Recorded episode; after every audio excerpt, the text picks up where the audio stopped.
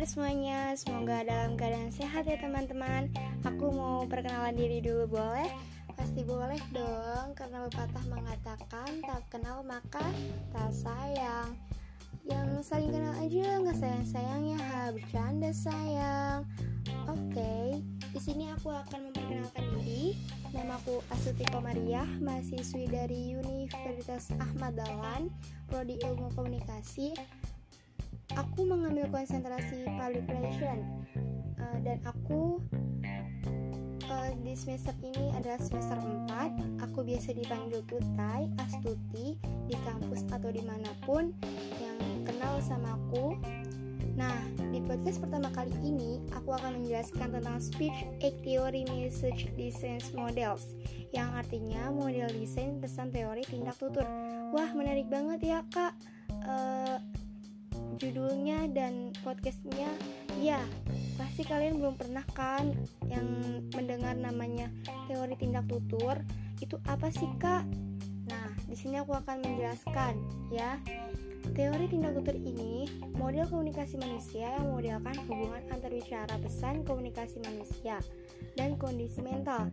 Jadi, model komunikasi ini memberikan cara yang tepat untuk menyampaikan pesan dan bagaimana seseorang harus menafsirkan pesan komunikasi.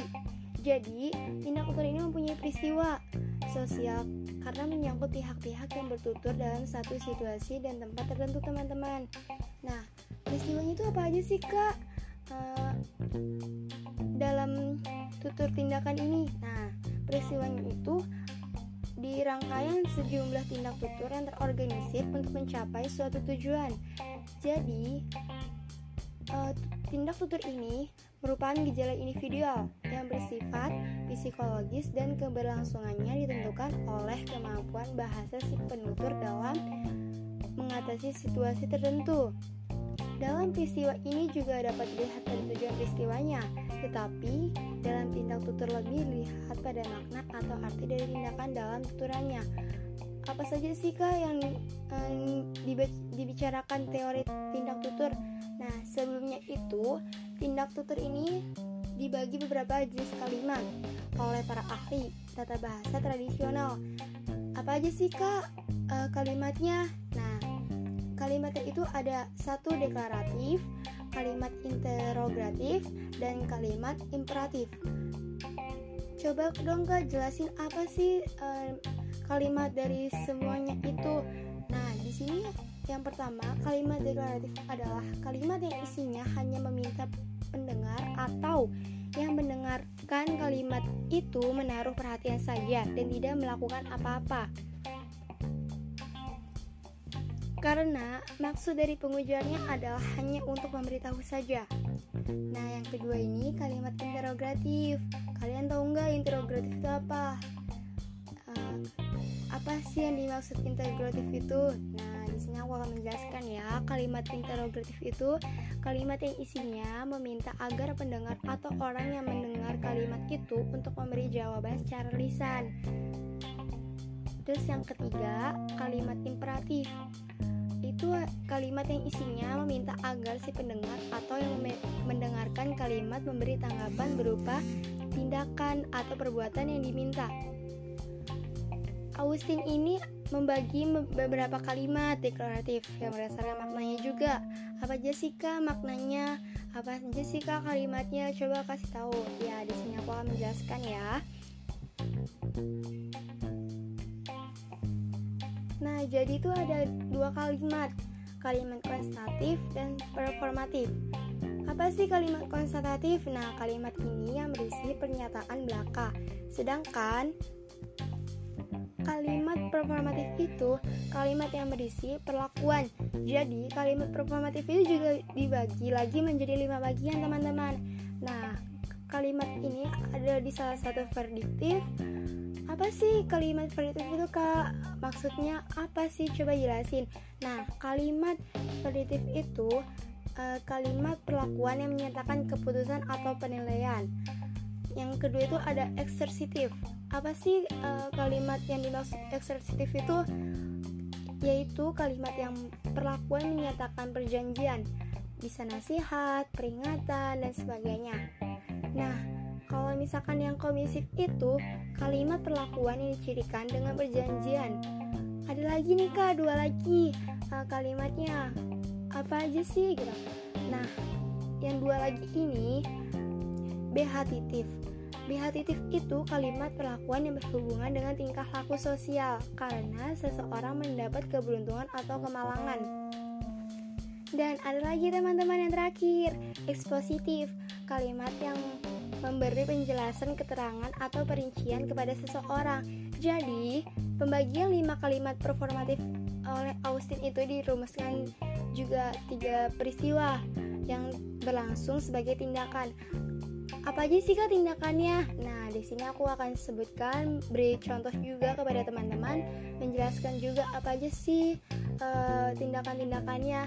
Yang pertama itu ada tindak tutur loka lokusi. Nah, ini nih uh, yang merupakan tidak mengucapkan sesuatu dengan kata dan kalimat sesuai dengan makna di dalam kamus dan menurut kaidah sintaksisnya. Jadi, tindak lokusi adalah tindakan yang relatif paling mudah untuk diidentifikasikan karena pengidentifikasinya itu e, dapat dilakukan ya teman-teman tanpa menyertakan konteks tuturan yang tercakup dalam situasi tutur. Yang kedua itu ada ilokusi. Apa sih kak tutur ilokusi? E, maksudnya itu apa sih tutur ilokusi? Nah di sini aku akan menjelaskan ya teman-teman. Tutur ilokusi itu adalah menghubungkan dengan bentuk-bentuk kalimat yang mewujudkan suatu ungkapan. Jadi dia tuh melakukan sesuatu dengan maksud dan fungsi tertentunya teman-teman. Satu lagi kak yang belum disebutin. Oh iya, satu lagi ya. Itu namanya tindak perlokusi yaitu yang ditunjukkan untuk menghasilkan efek atau konsekuensi pada perilaku. Jadi, um, seperti membuat keyakinan gitu, senang dan termotivasi juga bisa. Nah, tindak perlokusi ini merupakan tindak yang menumbuhkan pengaruh efek kepada mitra tutur. Nah, di sini aku akan menjelaskan contoh-contohnya nih apa saja. Uh, contoh dari lokusi, lokusi dan perlokusi. Uh, kalian pasti penasaran kan? ini tuh cerita yang menarik sangat menarik jadi contoh lokusi itu uh, sebagai contohnya aku ya hari ini aku sedang belajar membaca dan menulis maknanya itu uh, menginformasikan bahwa aku sedang belajar dan tak ada maksud untuk mempengaruhi lawan tuturnya nah kalau contoh ilokusi itu dia biasanya tuh berkenan dengan pemberian izin, ucapan terima kasih, menyuruh, menawarkan, menjanjikan dan sebagainya. Nah, contohnya tuh kayak ujiannya tuh sudah dekat. Jadi, dosen maupun guru menyampaikan kepada muridnya atau mahasiswanya itu bersiap-siap karena ujian telah dekat dan harus rajin belajar serta kurangi bermain. Jadi seperti uh, kita harus mengurangi main dan kita tuh kayak harus rajin belajar karena dosen dan guru itu sudah mengabah-abahkan ujiannya telah dekat. Nah, contoh perlokusi itu adalah nilai rapormu bagus sekali. Ini tentang pengujian ya teman-teman. Uh, maknanya itu kayak sebuah pernyataan pujian karena nilai rapornya bagus agar supaya ditingkatkan lagi belajarnya, supaya semangat lagi belajarnya seperti itu. Nah, uh, di sini ada tindak tutur pandangan yang bahasa alami sebagai tindakan. Apa sih kak pandangannya? Nah, pandangannya itu adalah memperlakukan komunikasi sebagai suatu tindakan seperti permintaan, saran, komitmen, dan balasan. Tindakan verbal ini semacam disebut juga tindak tutur. Artinya apa sih kak? Uh, tindak verbal itu Nah, tindak verbal itu artinya komunikasi dimodelkan sebagai tindakan yang mengubah mental keadaan peserta komunikasi. Contohnya apa aja sih kak? Uh, coba kasih tahu dari contoh tindakan verbal itu apa? Nah, contohnya tuh kayak buka pintu, mengubah status mental pembicara dan pengirim. Jadi, uh, meminta pendengar untuk melakukan suatu tindakan.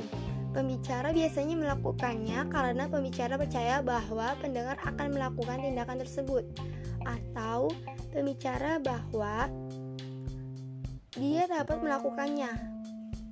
Pendengar percaya bahwa pendengar ingin membuka pintu. Jika kita mengasumsikan beberapa hubungan antara pembicara dan pendengar, tindakan berbicara dapat membuat berbicara percaya hal itu. Suatu saat di masa depan, pintu mungkin akan dibuka. Permintaan buka pintu mungkin menjadi niat pendengar. Jika tidak ada niat lain yang bertentangan dengan permintaan, maka pendengar akan menjalankan permintaan yaitu membuka pintu.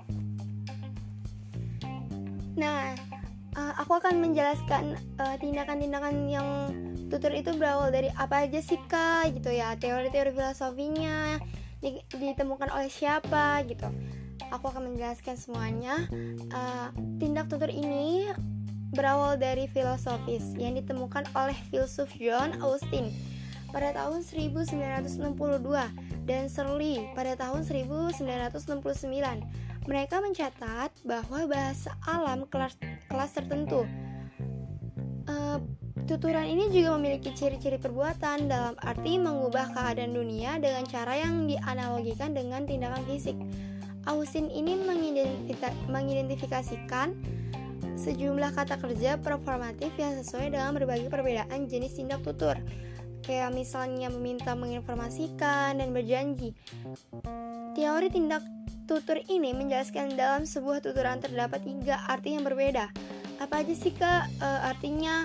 Nah, yang aku tadi ceritakan dan jelasin sebelumnya itu ada lokusi, ilokusi, dan perlokusi.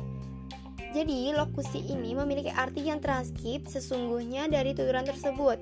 Kalau ilokusi ini, jawaban atau tanggapan yang diperoleh setelah memahami tuturan. Sedangkan perlokusi efek yang ditimbulkan setelah memahami tuturan.